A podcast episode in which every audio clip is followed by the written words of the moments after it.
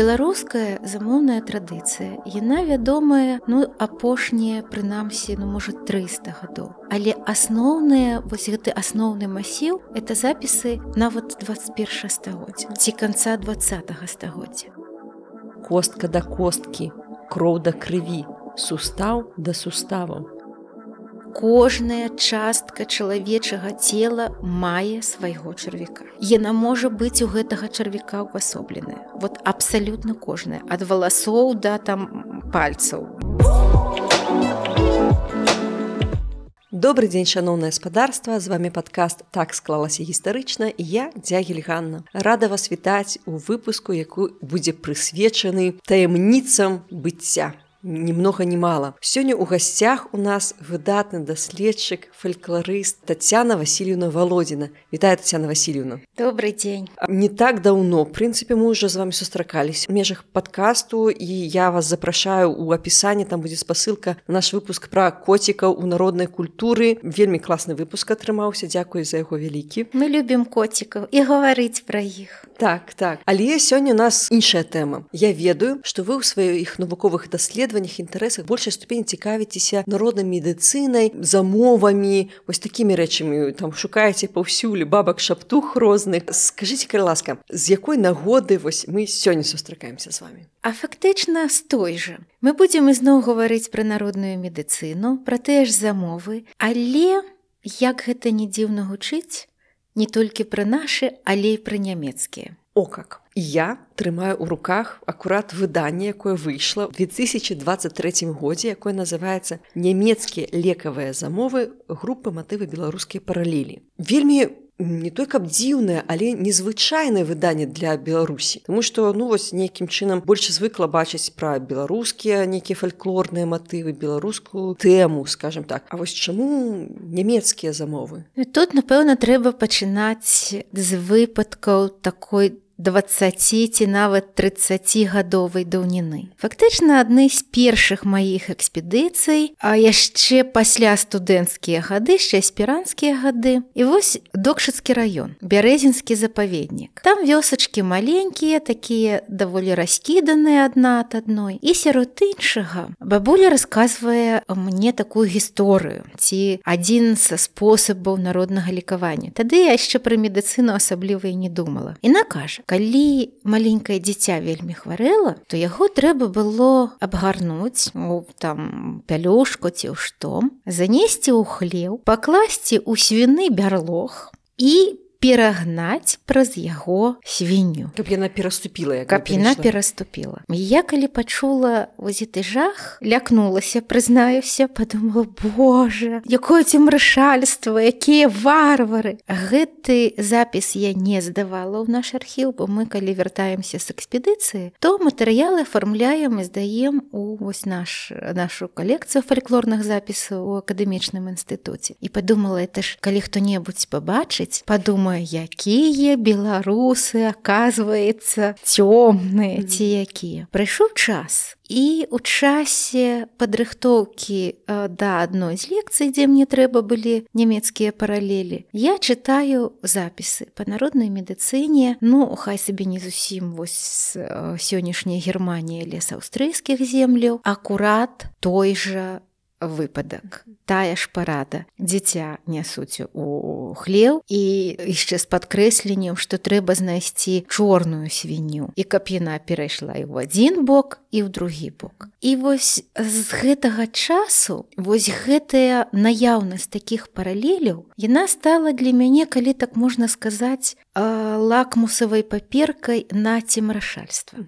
Калі падобныя звычаі фіксуюцца ў розных куточках. Я не кажу там вось нашай краіны ці суседніх, а нават у такіх аддаленых тэрыторыях. Гэта паказвае на пэўныя заканамернасці, на законы магічнага мыслення і увасаблення. І таму якраз вось у народнай медыцыне такіх паралеляў асабліва шмат. І ўжо я б сказала ну больш за 20 гадоў пры магчымасці я назапашвала звесткі пра уласна сродкі лекавання ну ўжо трошку пазней пра вербальныя сродкі лекавання і гэта замовы. Ну і вось ад таго часу і так як бы пачаўся мой навуковы інтарэс і захаплення нямецкай лекавальнай традыцыі.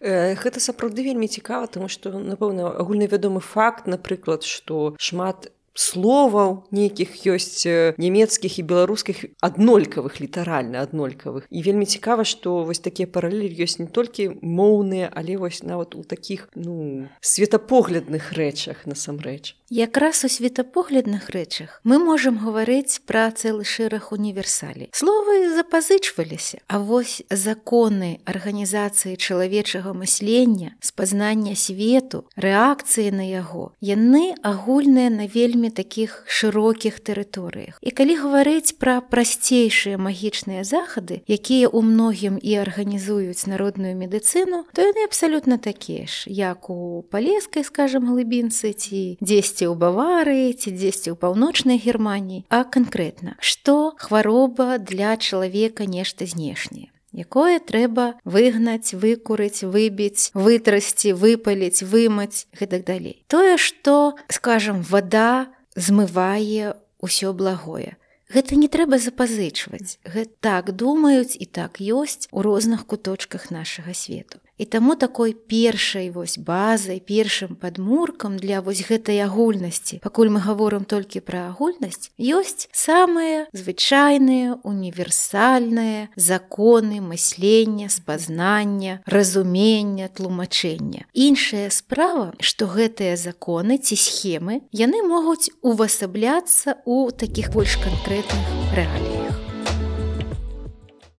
Я так разумею, што вось у даследаванні беларускіх замоваў вы грунтуецеся ў большай ступені на нейкую жывую экспедыцыйныя матэрыялы. А вось у даследаванні нямецкіх замоваў, якімі крыніцамі выкарысталіся. Вельмі слаўнае пытанне, бо калі ўзяць беларускую нямецкую менавіта вось базу для даследавання. Яна з аднаго боку вельмі адрозная, але тым яшчэ больш цікавая беларуская замоўная традыцыя яна вядомая ну апошнія прынамсі ну можа 300 гадоў. Але асноўныя вось гэты асноўны масіў это запісы нават 21 стагоддзя ці канца два стагоддзя. Фактычна гэта жывая традыцыя сённяшняя. Калі мы звернемся да нямецкай традыцыі то першыя фіксацыі это 9 стагоддзя девятое стагоддзе это азначае что больш як вось 10 стагоддзяў там ужо ёсць і другі вось такі вельмі адрозны бок гэта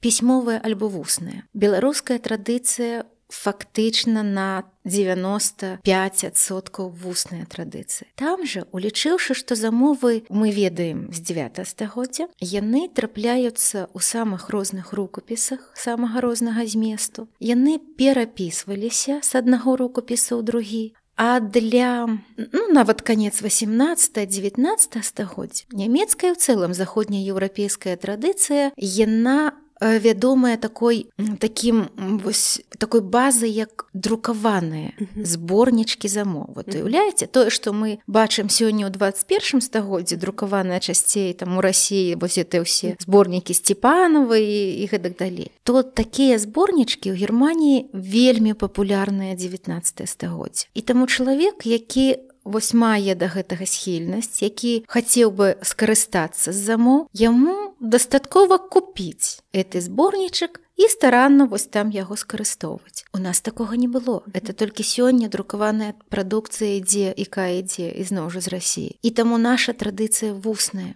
А што значыць вусная як бы мы не запаміналі усё роўна пры пераказе будуць нейкія адступленні там дадаткі крацей кажучы вусная традыцыя яна абумовіла вялікую варыятыўнасць і вось калі вось даводзілася працаваць з нямецкімі замовамі і вось открываеш ну там допустим нейкую групу в адной кніжцы чытаеш. Раз у другой кніжцы слова ў слова там часопіс слова ў слова яшчэ слова ў слова і іх і калі працавала з картатэкаю в архіве ну вось просто картка за карткай ідуць слова слова узяць беларускую традыцыю знайсці ў нас калі толькі студэнты не перапісалі з кніжкі ў сваіх экспедыцыйных запісах у нас не знойдзеш аднолькавых это вусная традыцыя яна забяспечвае такую стракатасць і варыятыўнасць і таму калі гаварыць пра базу то беларуская традыцыя все магчымае друкаванае і велізарная колькасць у тым ліку уласных запісаў. Гэта я гэта люблю я записываю гэта гэта просто вот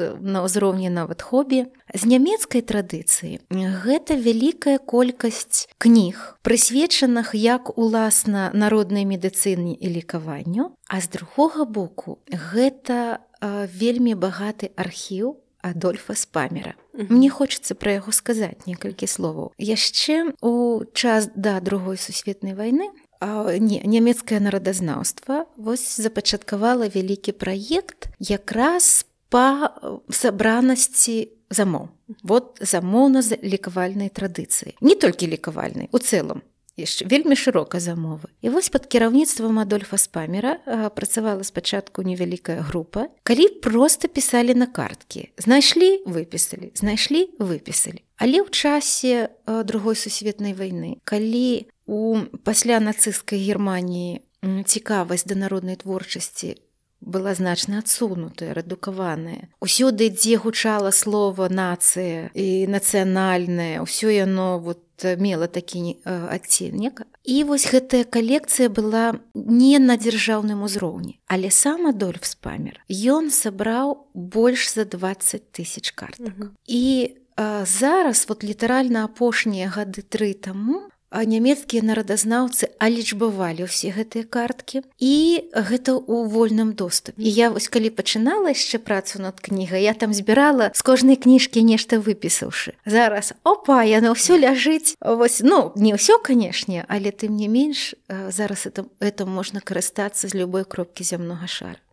Гэта паказвае на тое, адна як скрупулёзна, як старанна, як акуратна даследавана традыцыйная культура у нямецкамоўных краінах. Гаворка ідзе пра Аўстрыю, пра швейцары, пра Геррманіі. І нават калі параўнаць пачатак 20 стагоддзя, канец 19 стагоддзя, вось на фоне гэтага захаплення народам, як і ў нас, як па ўсёй Еўропе, вельмі старанна записывалі. І народная медыцына гэта такая сфера, дзе сабраныя разам і філасофія, і гісторыя і паэзія і псіхалогія і рэлігія і эстэтыка і мастацтва. Все што хочаш. Як адзін вось такі камень э, каштоўны які адбівае ўсе гэтыя бакі. І таму фактычна большасць нарадазнаўцаў немцаў яны так ці інакш записывалі звесткі з народнай медыцыны. І калі бачыш гэтыя паліцыі ну такое багацце. Просто по-добраму зайздросціш. А пачатак два стагоддзя зноў жа да другой сусветнай вайны гэта важна. Пачалося даследаванне на ўзроўні манаграфіі. І калі открываеш дысертацыя пра зубны боль дысертацыя пра сухоты дысертацыя пра падахру дысертацыя пра месячныя дысертацыя пра насмар. І тады вось бачыш якой ступені дэтальнай дэтальнага вось вывучэння мы маем нямецкую традыцыю. У гэтым сэнсе так нямецкая традыцыя вывучэння практыка вывучэння напэўна любой тэмы яна навукоўцы выклікае захапленне. Это нават прадмет анекдота уже нават становіцца. Так, так. А вось у мне пытанне такое калі нямецкая традыцыя яна ну не поўнасцю пісьмовая да а у вельмі вялікай ступені пісьмовая як яна перадаецца тому что ну вось наколькі я ведаю что некія здольнасці шаптух напрыклад яны перадаюцца вось адрасна вось яна нешта ведае яна перадае гэта сваю дачце напрыклад. А калі ў цябе кніжка як гэта перадаецца? Вось гэта містычная магія нейкая містычная сіла? Гэта асобная як бы тэма даследавання. Але і вось тая літаратура з якой даводзілася працаваць не выключае і вуснага бытавання. І там як і ў іншых кру кропках былі вясковыя знахары якія карысталіся гэтымі ведамі і навучалі сваіх дзяцей ці выбіралі сярод сваякоў найбольш прыдатнага для гэтага. І якраз даследаванне апошніх гадоў а зараз даволі актыўна ўсе гэтыя рэчы вывучаюцца можа не зусім пад такім звыклым для нас вось соусам калі так можна сказаць там уже трошку іншыя аспекты падымаюцца але даводзіцца сустракаць звесткі пра тое што 90-е гады двухтысячныя гады калі хтосьці з аўтараў успамінае свайго бацьку альбо дзядулю якія дапамагалі там пры звіху прырожы ці пры такіх вось абсалютна звыклых для нас больках пра якіх і сёння звяртаюцца па дапамогу. І я зусім не выключаю што то і на нямецкіх землях і зараз працягваецца і як вусная форма бытавання. Ну гэта было б цікава, канешне, пачытаць пра гэта таксама. І яшчэ одно пытанне. А як суадносілася вось гэтая народная медыцына, традыцыя замоваў з хрысціянствам. Таму што ўсё ж такі Германія гэта такі максімальна хрысціянскі ўжо свет, ну куды ўжо хры хрысціяней. Вось якраз праца на гэтай кнігай ці над этой тэмай спачатку пра кнігу не думалася. Яна па-новаму прымусіла паглядзець на суадносіны хрысціянскага і не хрысціянскага ў замовах. Прычым не толькі ў нямецкіх, але ў беларускіх таксама. Звычайна існуе такая вось версія, яна вельмі актыўна нават ледзь не ў падручніках у нас прапісваецца, што была вось такая язычніцкая традыцыя замоўная, а потым прыйшло хрысціянства і вось мусілі язычніцкіх багоў замяніць хрысціянскімі, вось там схаваць усё тое, што было. Калі ж звярнуцца да гісторыі нямецкіх замоў, то мы бачым вось якую карціну першыя варыянты вядомыя нам яны не першыя па часе а вядомыя нам якія дайшлі да вось даследчыкаў якія былі адкрытыя. А гэтыя тэксты замоў яны выключна у рэлігійных рукапісах. Это рэлігійныя тэксты якія ствараліся манахамі у межах манастыроў все усе ранейшыя тэксты нямецкамоўныя. А яны маглі быць на тэрыторыі германії але маглі быць на нямецкіх землях але маглі быць на лаціне. Это абсалютна як бы не адмаўляе таго что там дзесьці там каля бранденбурга ці дзесьці яны адшуканыя.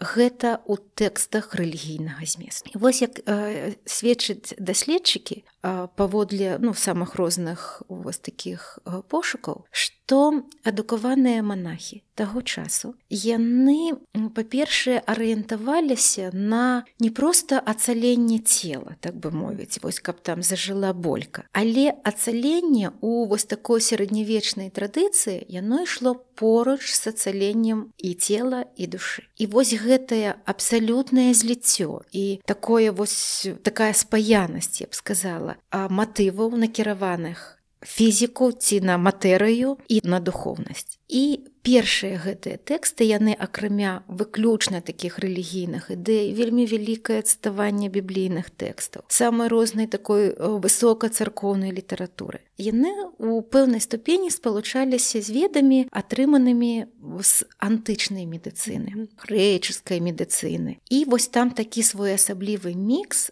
але сухілам усё ж таки ў хрысціянскую тэматыку. Калі мы возьмем трошку далей, гэта ўжо часы там 15 16 стагоддзя гэта толькі пісьмовыя тэксты. Натуральна мы не ведаем пра вусную традыцыю гэтага часу. Это вельмі такія масіўныя я б сказала мала стрававальныя тэксты выключна такія з высокім стылем хрысціянскага такога набажэнства. Іх нават цяжка назваць уласна замовай mm -hmm. але гэта тэкст накіраваны на пазбаўленне чалавека той ці іншай болькі. Там могуць у пераліку сімптомы там часткі цела. Это не вось это медыцынскі тэкст. А вось заходзячы з усяго гэтага даследчыкі выказваюць такую думку і нам мне падаецца вельмі слушнай што менавіта хрысціянства яно адыграла вельмі вялікую ролю у замацаванні гэтай традыцыі у яе развіцці асабліва у такім наратыўным мастацкім развіцці насычанасцю вобразамі матывамі. О ізноў жа калі звяртацца да прасцейшых схемаў вот таких старажытных то самае першае гэта выгнанне. Хвароба пайшла вон ці там я тебе спалю задаўлю і там знішчу. З часам такой супрацы з хрысціянствам мы бачым гісторыі разгорнутыя аповеды дзе хварэе хрысціянскі персанаж ён думае яму прыходзіць на дапамогу іншы персанаж. Яны гавораць пра душу пра там выратаваннях і так далей. І таму а вось якраз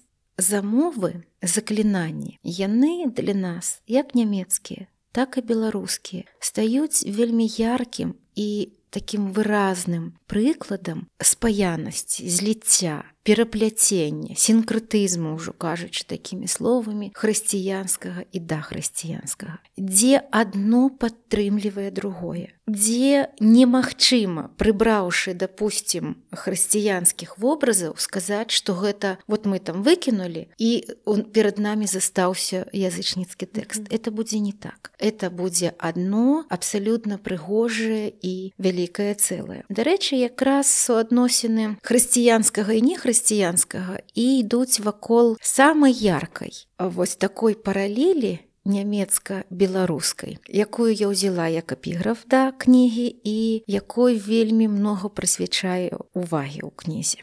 А гэта тып так званага першага мерзебургскага заклінання.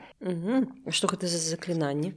Ахвотна раскажу бо гэта таксама быў адзін з такіх першых адкрыццяў ці штуршкоў ці тых момантаў якія прымусілі просто вось сказаць ай няўжо такое можа быць межа 9 10 стагоддзя манастыр нямецкі манастыр дзе на адваротным баку рукапісаў былі адшуканыя дзве замовы. Першая мерзібурская, яго вельмі доўга нават не маглі зразумець ад чаго.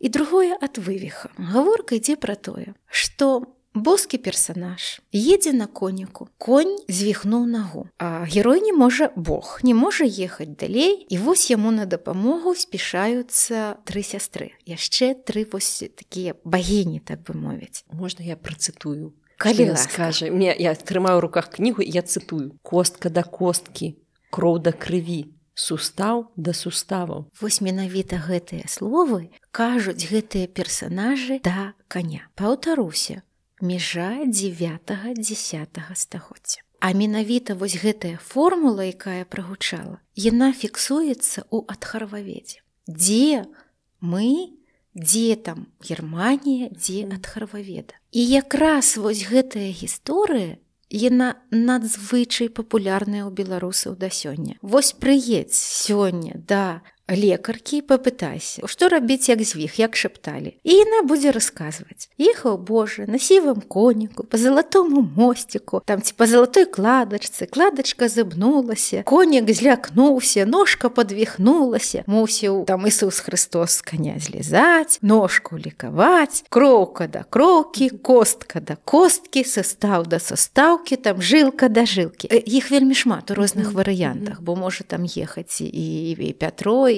Бог і Христос і Божая маці і тут цэлы шар. і літаральна даслоўна літаральна даслоўна і вось гэтае просто надзвычайнае супадзенне яно на сёння у Беларусі вось гэты тып Чаму тып? Бо а, вельмі такая шырокая ступень вар'яванасці. Mm -hmm. можа ехаць на осліку і тут мы бачым уплыў біблійнай гісторыі ўвахода Хрыста ў Ерусалім. Ён можа а, там нават не ехаць, а проста ісці па мосціку і не, не па мосціку, а там па горцы і, і гэта там ножка звіхнулася хто спішаецца на дапамогу таксама? А можа звесціся нават толькі да сцвярджэння гэтай цэласнасці. Вось калі ўсе часткі цела мусіць сысціся як і раней. І вось гэтыя тэксты яны ў беларусі вядомыя больш як 300 варыянтаў а можа і больш можа я іх не ўсе сабрала і вось якраз нямецкія даследчыкі да гэтага часу спрачаюцца. Хто ж ехаў на гэтым кані? Былі гэта да хрысціянскія нямецкія персонажы вось бог водан канкрэтна альбо гэта былі проста табуяваныя хрысціянскія імёны. Дарэчы адна замова. Вось я яе пераказала. Яна у на тэрыторыі германії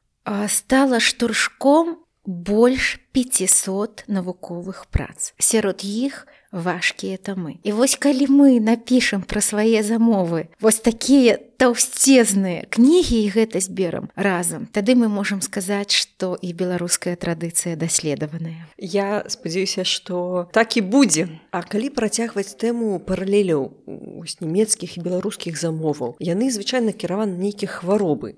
Ці супадаюць вось гэтыя праблемныя моманты, скажем так, у нас і у немцаў. Якраз параўнанне беларускага і нямецкага матэрыялу яшчэ і яшчэ раз асведчыць аб тым, што хвароба это сацыяльна-культурны канструкт, што чалавек хварэе на тыя хваробы, пра якія ён ведае. Уласна кажучы, сітуацыя з каранавірусам вельмі моцна гэта пацвердзіла. І вось здавалася б, цела у беларуса і ў немца фактычна аднолькавае. Геаграфічныя ўмовы пражывання кліматычныя гэтаксама не надта моцна адрозніваюцца. Але рэестр хваробаў тое, што на што пакутуе чалавек не толькі ў прасторы, але і ў часе даволі адрозны. Пры натуральна вось такім касцяку, сярод якога ну, тое, што заўважнае, ўсё сімптаматычнае, Вот пачаўшы адны з самых старажытных замоваў гэта ад рану. Рана это тое, што вот найбольш відавочна да, відавочна. Але нават калі параўнаць беларускія замовы ад рану і нямецкія замовы ад рану, у нас проста ад раны. А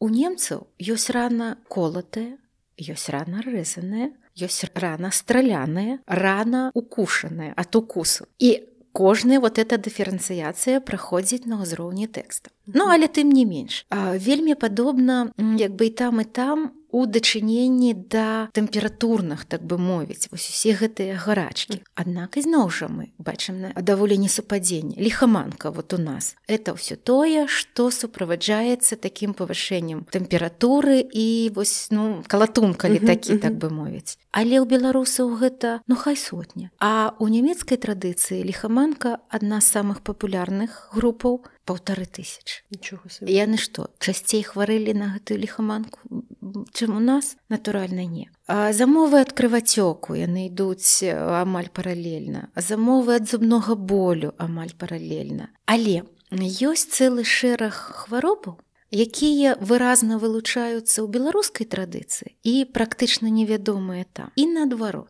Вось ёсць у немцаў такі вельмі распрацаваны комплекс які ў іх называецца словом гіхт яго ніяк не перакладзеш на нашу мову няма адпаведніка. Калі браць спецыялізаваную вось медыцынскую літаратуру яны там пераказваюць як падагра вот mm -hmm. нешта такое тыпу рэўматычных боляў але калі пачынаеш чытаць нямецкія традыцыі то бачыш што у гэты блок уключаюцца самыя розныя немачы ад простой а там бяссонніцы хаця бяссонніца зусім няпростая праблема на сёння ці там галаўнога болю да ледзь не параліча калі мы перакінемся ці пачнем параўноўваць замовы ад вось гэтай хваробы ў немцаў і наогул клінічную карціну калі так можна сказаць то мы ўбачым што ў беларусаў вельмі блізка. Это пярэпалах вот той пут ляк і спух по-рознаму называецца ў розных куточках беларусі замовы ад пярэпалаху фактычна самыя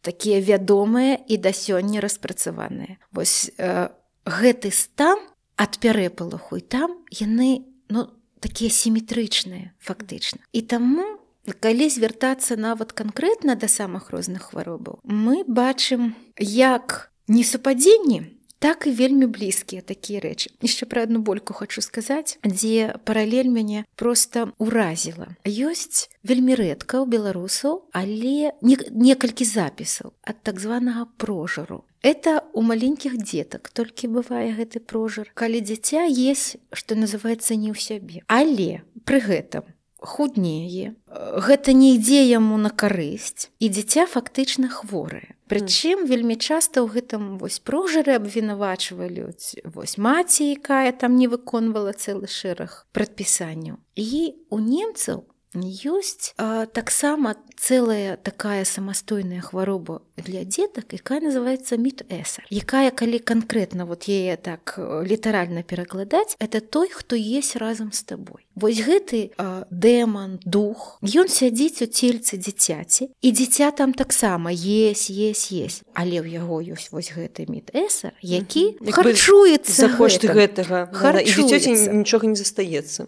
Ну вот яно скажем не не сто процентаў адной тое ж слово. Калі пачнём глядзець прычыну магічнае лекаванне і нават на ўзроўні тэкстаў но мы бачым такое супадзенне такое просто страшна А гэта у нас ну некалькі вось таких запісаў. Напрыклад цяжарнай нельга перадаваць ежу допустим цераз сундук. Вот ясей еш а праз там не трэба перадаваць. Нельга есці на хаду калі кудысьці спешаешься і там нешта есці. Тое ж самае ў немцаў. А лекаванне якое Як вылічыць ад гэтага мітэсара ці прожара наша? Трэба дзіця на хвіліну пакласці ў дзяжу альбо ў скрыню. Раз закрыў, адтуль дастаў. І вот такія здаваліся это ўсё можна тлумачыць з міфалагічнага пункту гледжання. Это ўжо задача як бы іншая. Але мы бачым, што у такой страшэнна глыбокай міфалагічнай плашчыні і даўніне вот такія выразныя паралелі. Гэта не запазычанні это ізноў жа паказвае што у розных куточках вось Еўропы я не ведаю далей як праяўляюцца адны тыя ж уяўленні пра тое што ў целе чалавека можа быць нейкая істота якая і выклікае цэлы шэраг захворвання А вот дарэчы давайте пра гэта паговорам пра прычыны захворвання. Что э, становіцца прычынай хваробы? Ну натуральна гаварылі пра гэта што з пункту лежання хрысціянства гэта ну нейкія там духоўныя рэчы тэвры трэба не грашыць да трэба быць добрым чалавекам там добрыя думкі все такое. А вось з пункту гледжання іншага што можа быць прычынай? Найпершая ідэя якая аб'ядноўвае нават не толькі еўрапейскую традыцыю значна шырэй, што хвароба выклікана пранікненнем у цела нейкай нядобрай дэманічнай міфалагічнай істоты. Mm -hmm. Ну так гэта і ў старажытны ўсход усюды і там Усю... так, але нават на ўзроўні вось гэтай універсальнай ідэі мы бачым цікавае адрозненне на ўзроўні этнаса. Mm -hmm. І вось я пачынаю кнігу вялікай главой раздзел прысвечаны вось болькам прысвечаны чарвікам. І вось гэты вурм па-нямецку. А гэта такая ну, фішка, калі так можна сказаць, маркёр, ідэя, цэтлік, все што заўгодна нямецкай этыялогіі, прычыны хваробу ў нямецкай традыцыі кожная хвароба згодна з уяўленнямі немцаў можа быць выклікана пранікненнем у цела альбо завядзе калі ён сам завёўся там пэўнага чарвіка кожная частка чалавечага цела мае свайго чарвіка яна можа быць у гэтага чарвіка ўвасобленая. Вот абсалютна кожная. Ад валасоў да там пальцаў. Пра пальцы можна асобна гаварыць. І што самае дзіўнае што гэтыя чарвякі яны неабходныя чалавек што калі б усіх гэтых чарвякоў з цела выдаліць то чалавек бы не жыў.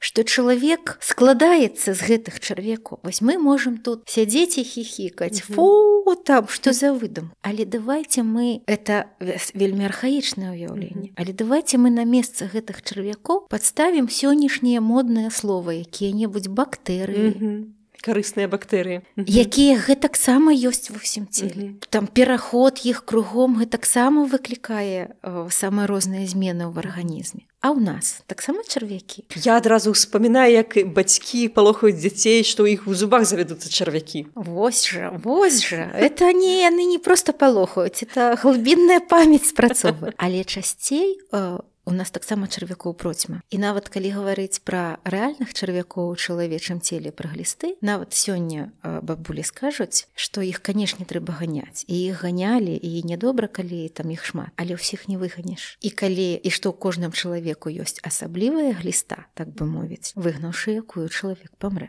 Але значыць у нас у беларусаў калі параўноўваць вось такой хтанічнай эмблемай хваробы стане не столькі чарвяк колькі волас. По вялікім рахунку это з'явы аднаго парад вось змея чарвяк волас это ўсе рэалізацыі аднаго вялікага архетыпу вось такога змяінага. І ў нас калі гавораць пра розныя хваробы самыя розныя нават калі даводзілася я маю на увазе народнае тлумачэнне напрыклад калі не лячыць той же пярэпалах вось бабулю салігорску мне сказала яго немагчыма вылечыць яго сэрца косамі обросло.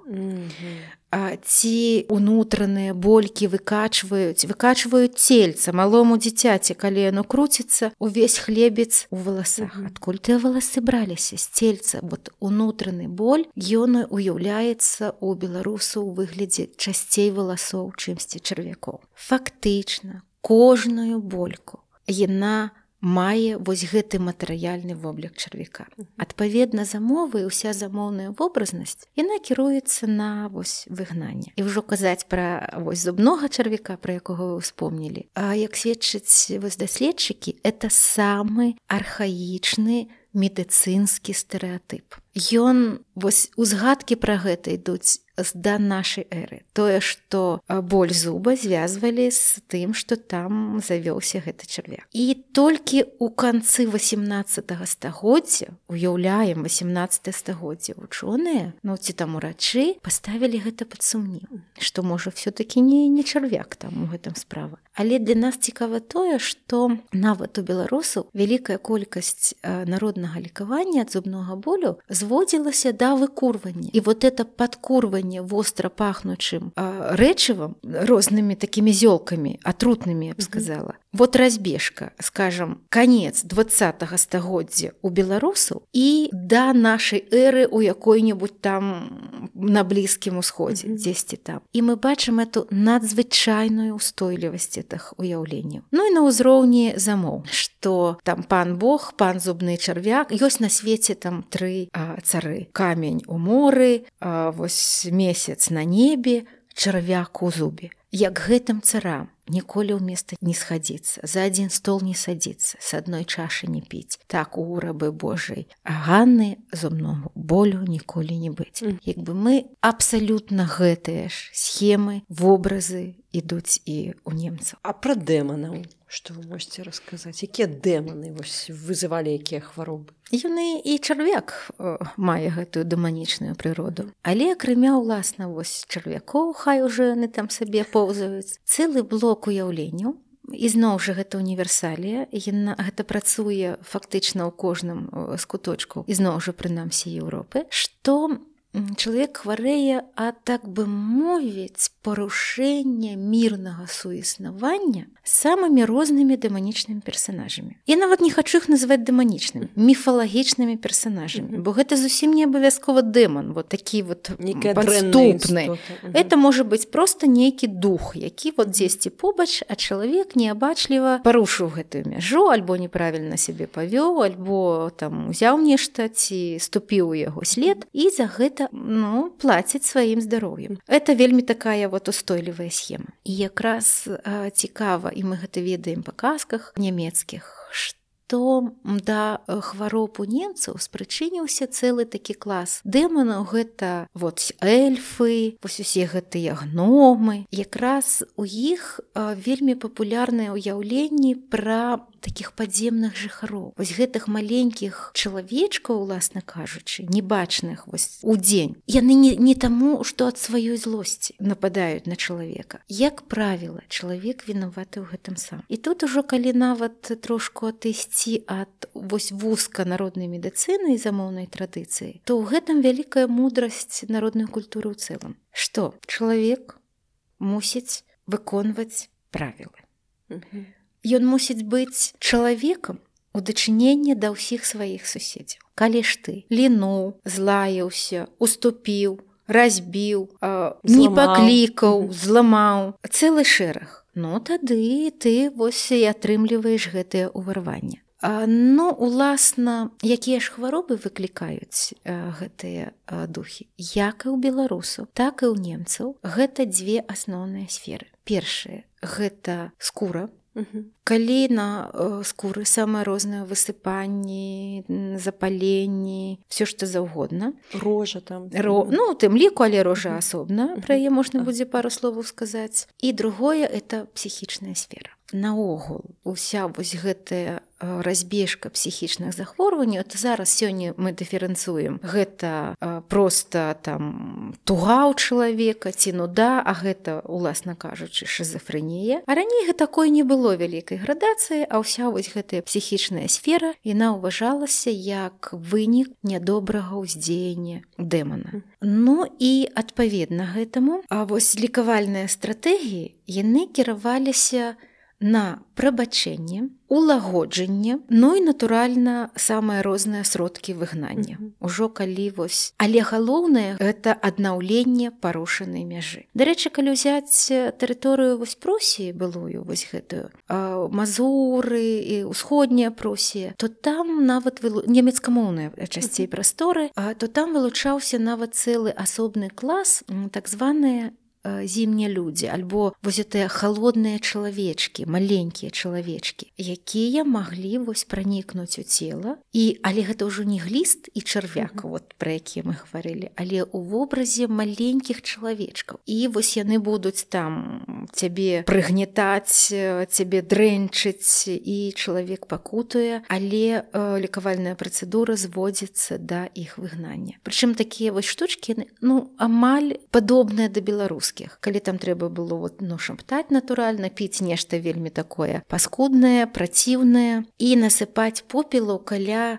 ложка. Тое ж самае у нас фіксуецца і назаўтра тады ўбачыш што будуць слядочки mm -hmm. по гэтым попеле бо на падлозе ж не ўбачыш што яны вось выскачылі з цябе і пайшлі куды ім належаць А вось скажитеце кай ласка А замова ад якой хваробы яны найбольш э, маюць паралелю найбольш падобных рэчаў у нас і у немцаў Ну іх насамрэч это не адна такая хвароба можна сказаць напрыклад пра рожу. Вот якую сёння нават сёння многія дактары адпраўляюць да вось шаптухі ну, так. І калі браць на ўзроўні замоўнай вобразнасці і там І у нас вельмі папулярны сюжэт, калі ішоў міфалагічны персанаж і нёс у руках тры рожы. там ішоў Сус Христос, нёс тры рожы, адна там белая, другая чорная, там трэцяя чырвоная. Вот яны то па чарзе прападаюць. Фактычна слова ў слова вялізная колькасць такіх замоў існуе ў немцаў. Дарэчы, у палякаў і ёсць такое меркаванне, што то мы запазычылі вось менавіта гэты сюжэт з заходнеславянскі ад немцаў. Бо калі ісці далей на рускія тэрыторыі то фактычна на нас это заканчваецца. Яшчэ дзе-нідзе на этнічных беларускіх тэрыторыях. Смаленшчына браншчына все далей яго няма. Але ці не найбольшую такую палітру паралелю мы маем у замовах адкрываццё наогул і у нас гэта адна з самых багатых груп па колькасці запісаных тэкстаў па матыўнай разнастайнасці. Тое ж самае ў нямецкай традыцыі. Это адна з першых па вось папулярнасці. І калі б мы раскладалі на матывы мы бачым ну проста адзін да аднаго. Но найперш можна пытанне ага. адразу а крывацёк маецца на вазе некі спарадычны ну, там з носа па... самы розны а і, і ад раны так і з раны таксама бо у нямецкай традыцыі яны трошку разводзяць ад раны і ад крывацёку хаця там вельмі много паралеляў аднак вот калі скажем у друкаванай крыніцы вот так ідзе ад там ад крыві вот ці ад раны там вон зэгены блюд зэганы это як бы дзве такія групы найперш на вось прасцейшых магічных законах. Як нешта спыніцца, каб кроў так спынілася. Як вось там ішла баба гарою, вела там бычка за сабою, там баба стала, каб у там ані кроў перастала. Факт ну это я як бы беларускую замову успомніла, але вот подстаўляецца іншы персонаж. Это падобнае вось падобнае на падобнае альбо напроці пастаўленні як там скажем бяжыць рака хай яна бяжыць а кроў хай стане вось ці там аднекуль нейкая вадкасць ліецца каб так кроў стала абсалютна ідэнтычныя рэчы это пакуль мы гаворым пра заклёны. Самыя прымітыўныя магічныя вось такія ўласцівыя многім народам стэеатыпы А ці зварот да месяца напрыклад. Вот маладзік малады твой рог залаты. Вось калі глядзіш ці маладзік малады ці быў ты на тым свеце быў. Ці бачыў ты там майго тату бачыў ці баляць у яго зубы. Не каб так не балелі ў мяне цэлы шэраг ну не да даслоўнага супадзення ідзе ў нямецкай традыцыі это ці там камень як у каменя як камень да болю неадчувальны каб так і зубы не балелі і гэта зразумела. Але побач з гэтым і аб'ядноўвае нашы традыцыі якраз хрысціянская вобразнасць. Вось гэты пласт хрысціянскіх гісторый. І найпершыя сярод іх ці найпершы вельмі папулярны і там і там так званы ярдан сюжэт. Хрысціўся Христос на ярдані як стала вада ў ярдані так стань кроў у ране. Беларускі тэкст. Адзін у адзін. Літаральна у сотнях варыянтаў у нямецкай традыцыі. Вот это апеляцыя да прэцэдэнтнай гісторыі. Прычым вось замаўнік ці замовы кіруецца не толькі да стаяння Хрыста ў вадзе, А што асабліва і гэта ўзыходзіць да біблейнай традыцыі. Вада стала цуд ціхай вады у рацэ рацэ. І каб гэтак жа стаў боль ці э, перастаў боль і спынілася кроў. І прычым наогул гэта ярдан сюжэт это і, і ў немцаў у нас ён такі вот ну ядзерны так бы мовіць калі да яго адносіцца вельмі пашыраны папулярная апеляцыя да рану Хрыста і вось тут калі гаварыць пра гэта я яшчэ б хацела сказаць пра суадносіны вербальнага і візуальнага так бы мовіць. І вось у кнізе шмат самых розных ілюстрацый mm -hmm. якія я рабіла і ў храмах у нямецкіх і у шпіталях якія зараз як музеі і у музеях. І калі вось просты чалавек вернік ён прыходзіў у царкву і ён бачыў вельмі такую вялікую колькасць абразоў Хрыста ў пакутах Вось это вельмі ўласцівы для каталіцкай традыцыі. Для заходнееўрапейскага наогул нават свецкага мастацтва. Христос у пакутах, яго вось раны, яго раны. І таму і адпаведна ў замоўнай вобразнасці, у адрозненні ад праваслаўнай традыцыі вельмі пашыраны зварот да рану.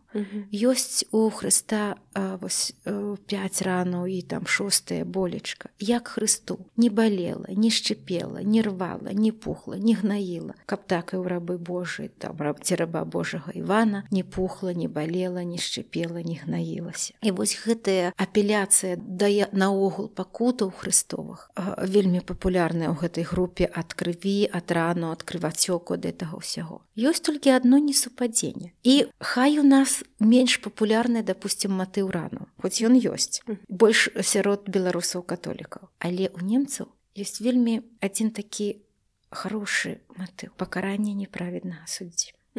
Натуральна на ўвазе маецца понці пілат. Ён і праходзяць а ідэя там такая ж неправедны суддзя будзе пакараны за свой учынак і як гэта непарушна каб так спынілася кроў ране. Ну вось у нас такога хорошага матыву на жаль няма. А вот дарэчы вы казалі пра запазычанасць замову адрожы, а ўвогуле ці можна казаць пра нейкую сапраўдную запазычанасць сапраўдны ўплыў непасрэдны ўплыў нямецкіх традыцый на беларускую традыцыю. Ці ёсць ён ці можна яго даказаць нейкім чынам? Даказаць яго даволі цяжка. І наогул гаварыць стопроцентна нават пры абсалютным супадзенні. Гаварыць што гэта запазычанне вельмі праблемна. І зноў жа ёсць універсалі. Як вода там змывае э, берагі каб так змыла больку. Это універсалі. Мы не можемм казаць што гэта запазычанасць. Ці калі гэта ідзе як бы такая рэцэпцыя біблійнай традыцыі дзе ідзе просто цытаванне біблійнага сюжэта это хутчэй за ўсё мы можемм казаць што што і нямецкая беларускія традыцыі уваходзяць у адну зону рэцэпцыі вытлумачэння святого пісання. І вось гэтым будзе абумоўлена падабенства. Але это зусім не выключае прамых запазычанняў. І вось тут можна звярнуцца да а, яшчэ такога аспекту як яўрэйская практыка. У сярод на беларускіх землях хадзілі і на ідышы такія вось друкаваныя альбо рукапісныя дакументы з ідыш нямецкая мова вельмі блізкія і вот цэлы шэраг канкрэтна нямецкіх нейкіх парадаў нейкіх тэкстаў і вось ёсць такія сведчанні што то да яўрэйскіх урачоў звярталіся наогул. Лічыцца што прадстаўнік чужой веры больш важны і такі больш памоцны чым свой. Mm -hmm. это звычайна як хадзілі да стараабраднікаў праваслаўныя да католікаў і наадварот. Тое ж самае хадзілі да гэтых лекараў. І вось праз гэтую такую э, яўрэйскую традыцыю да нас маглі ўжо быць рэальна запазычаныя тэксты. Ну і не толькі так але зноў жа паўтаруся што даказаць стопроцентна што ён быў а, вот менавіта ну так спісаны но гэта трэба праводзіць датычна кожнага тэксту такую даследчую работу. Ну так ты можаш калі ідзе мова пра вусную традыцыю tutвогуле гэта напэўна немагчыма. Ці хтосьці прывёз. І такое ёсць і такое ёсць. Але гэта ізноў жа сказаць што ўсё падабенства што мы спісалі гэта будзе ну так перабольшваннем. Э, ну і пад по канец нашай размовы уласна кажучы лагічна пытанне. Навошта нам гэта ўсё ведаць навошта нам гэта ўсё вывучаць і што гэта нам дае? Гэта вельмі добрае пытанне наогул я б нават сказала метадалагічнае для беларускай фальклорыстыкі ў цэлым. Доўгі час існавалі такія думкі што яны так трансліваліся ў сродках масавай інфармацыі в самых розных артыкулах што беларускі фальклор Ён такі самабытны, -hmm. такі непаўторны, Ён такі адзіны просто унікальны. Але як толькі мы пачынаем глядзець трошку шырэй, мы бачым, як шмат у нас паралелю. І вось канкрэтна паралелі з нямецкай традыцыяй. Яны паказваюць, як шмат у беларускім фальклоры еўрапейскага, што мы уваходзім у еўрапейскую культурную прастору. Вельмі шмат сюжэтаў матываў, якія так бы мовіць на беларускіх землях заканчваюцца. Іх ужо няма далей вось на ўсход. І таму вось гэтыя паралелі яны па-першае, вот як з чаго я пачынала гаворку показваюць на архаіку традыцыі. Калі ў нас ну вось ледзь не такое літаральнае супадзенне, это паказвае наколькі гэта архаічны раз. Па-другое, наколькі мы вось уваходзім у такую пісьмовую агульную традыцыю. Ну і яшчэ вось падобныя супастаўляльныя штуды, а яны ўсё ж таки прымушаюць ці падштурхоўваюць да таго, каб яшчэ больш старанна, яшчэ больш скрупулёзна даследаваць сваю традыцыю даследаванні паралеляў нейкіх гэта максімальна цікава і пры гэтым вельмі цяжкае даследаванне Таму што трэба ведаць не толькі сваю традыцыю але і зусім іншую. І гэта вымагае вялікага досведу і моўнага і навуковага. І я вас віншую з гэтым выданнем з гэтай працай. Дякую вялікі за размову. І калі вы гэтак жа як я зацікавіліся гэтай тэмай то у апісанні будзе спасылкі на асабісты фейсбук татяны васильевны можна будзе задаць нейкія пытанні калі вас яны з'явіліся яшчэ. Будзе таксама спасылка на э, акадэм кнігу дзе можна купіць гэтую кнігу. І будзе спасылка канешне на наш ранейшы выпуск пра коцікаў. Я про гэта ўжо казала. Дякую вялікі за размову. Дякую вам Аня. Прызнаюся что то праца над спачатку не думалася пра кнігу. Праца над гэтым была займальнай і вельмі цікавай калі вам спадабаўся гэты выпуск калі ласка пішыце каменты задавайце пытанні дасылайце яго сябрам. Я вельмі удзячная вашим праслухоўваннем каментарам лайкам подпіскам на сацыяльныя сеткі. Асабліва я удзячная спонсорам праекту на платформе патрыён усе спасылкі на соцсеткі і на спосабы падтрымкі праекту будуць у апісанні. Дзякую вялікі за праслухоўванне і да новых сустрэч